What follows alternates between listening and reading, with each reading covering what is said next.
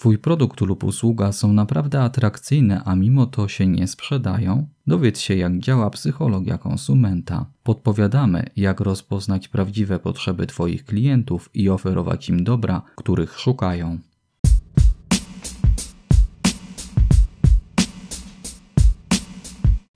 Psychologia konsumenta w służbie sprzedaży.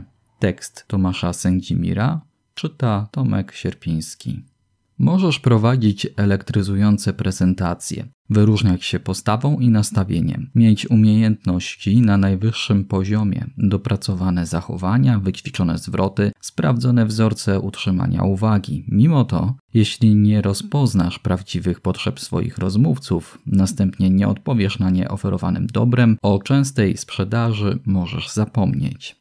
Dzisiejszy konsumpcjonizm bazuje na indywidualnych i społecznych potrzebach. Ludzie kupują, ponieważ wierzą, że większa ilość dóbr przyczyni się do ich szczęścia osobistego. Wiedza na temat potrzeb człowieka umożliwia przedstawienie rozwiązań w sposób zgodny z jego często nieuświadomionymi dążeniami. To jedno z założeń współczesnej reklamy. Jest oparte na pracach Abrahama Maslowa, wybitnego amerykańskiego psychologa, autory teorii hierarchii potrzeb, współtwórcy nurtu psychologii humanistycznej. Maslow twierdził, że działaniami człowieka kierują dwie grupy potrzeb niedoboru oraz wzrostu. Zaspokojenie najniższych poziomów potrzeb powoduje przesunięcie motywacji człowieka na wyższe, bardziej złożone poziomy.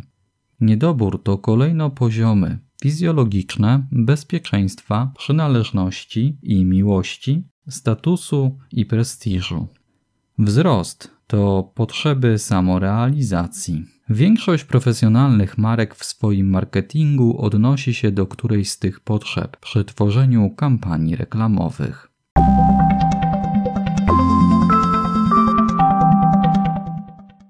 Jedzenie, picie, oddychanie, spanie to potrzeby fizjologiczne. Kampanie marketingowe odnoszące się do tych najbardziej podstawowych dążeń człowieka to na przykład danio, metoda na głoda, Sprite, pragnienie nie ma szans, Snickers, głodny, na co czekasz? Życie w uporządkowanym, przewidywalnym, bezpiecznym środowisku to potrzeby bezpieczeństwa. Na ten poziom postawiły marki takie jak Volvo, Safety First, Toyota, lider niezawodności, czy Gerber, zrobione na bazie najlepszej jakości składników. Do potrzeb bezpieczeństwa odwołują się także firmy ubezpieczeniowe. Ludzka potrzeba bycia z innymi, uczestniczenia w większej grupie społecznej, współistnienie z drugą osobą, obdarzanie się miłością to potrzeby przynależności i miłości. Człowiek jako istota społeczna dąży do tego, aby otaczać się innymi ludźmi, nawiązywać bliskie relacje, uczestniczyć w życiu grupy. Jeśli więc widzisz w reklamie grupę osób, która cieszy się wspólnie z jakiegoś produktu, jest to prawdopodobnie odwołanie się do potrzeb przynależności i miłości. Podobne reklamy stosuje wiele marek piwnych, np. Warka, Dyskie, Carlsberg lub herbat, jak Saga. Widzimy bliskie osoby, które wspólnie spędzają czas. Wysoka pozytywna ocena własnej osoby oraz pragnienie zrobienia wrażenia na innych, wzbudzenia ich szacunku odnosi się do potrzeby statusu i prestiżu. Ten typ e, potrzeb pobudza ja. Jest zorientowany na wzmacnianie ego. Inne osoby są tu potrzebne, aby doceniać, podziwiać, dowartościować człowieka. Osoba mająca te potrzeby kupuje, aby być lepiej postrzeganą przez innych, podnieść swoją pozycję społeczną, być kimś wyjątkowym, niepowtarzalnym. Odwołania do tego poziomu znajdziemy w kampaniach produktów luksusowych oraz niektórych marek ogólnie dostępnych. Na przykład L'Oreal, jesteś tego warta. Maybelline? Może to jej urok, może to Maybelline. Alior Bank, wyższa kultura bankowości. Pragnienie rozwoju osobowości, samodoskonalenia, realizowania własnego potencjału objawia się w poziomie samorealizacji. Jako najwyższe i bardziej złożone potrzeby są mniej powszechne i trudne do uchwycenia w kampaniach marketingowych. Jest to poziom odnoszący się do poszukiwania własnej drogi, przekraczania swoich ograniczeń, doświadczaniu w pełni swojego potencjału osobistego, otwieraniu nowych możliwości.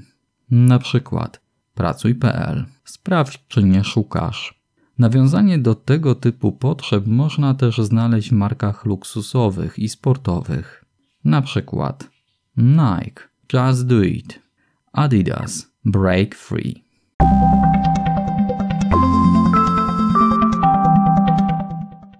Bardzo często podczas rozmowy, opowiadania o sobie i o swoim życiu, klienci ujawniają, jakie są ich potrzeby, do czego dążą, czy co chcą osiągnąć. Jeśli wychwycisz te informacje, następnie połączysz je z dobrem, które oferujesz, będziesz mieć znacznie większą szansę na zamknięcie sprzedaży.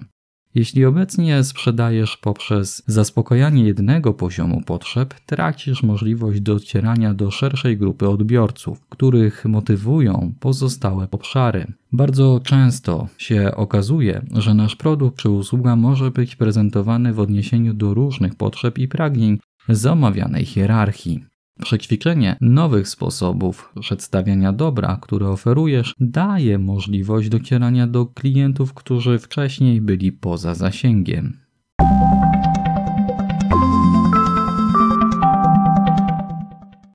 Na koniec ćwiczenie dla Ciebie.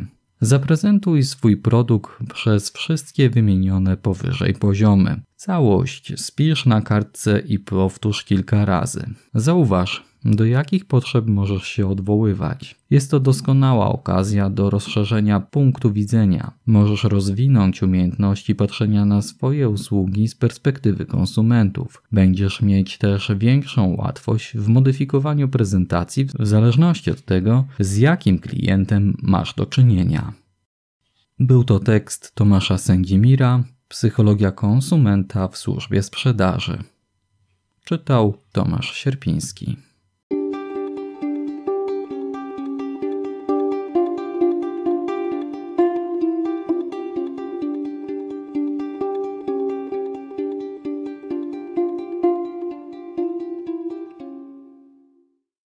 Zainteresował Ciebie ten temat i potrzebujesz porozmawiać z ekspertem? Skorzystaj z poradni lidera Fundacji GraoSense. Wejdź na graosens.org.pl ukośnik poradnia lidera.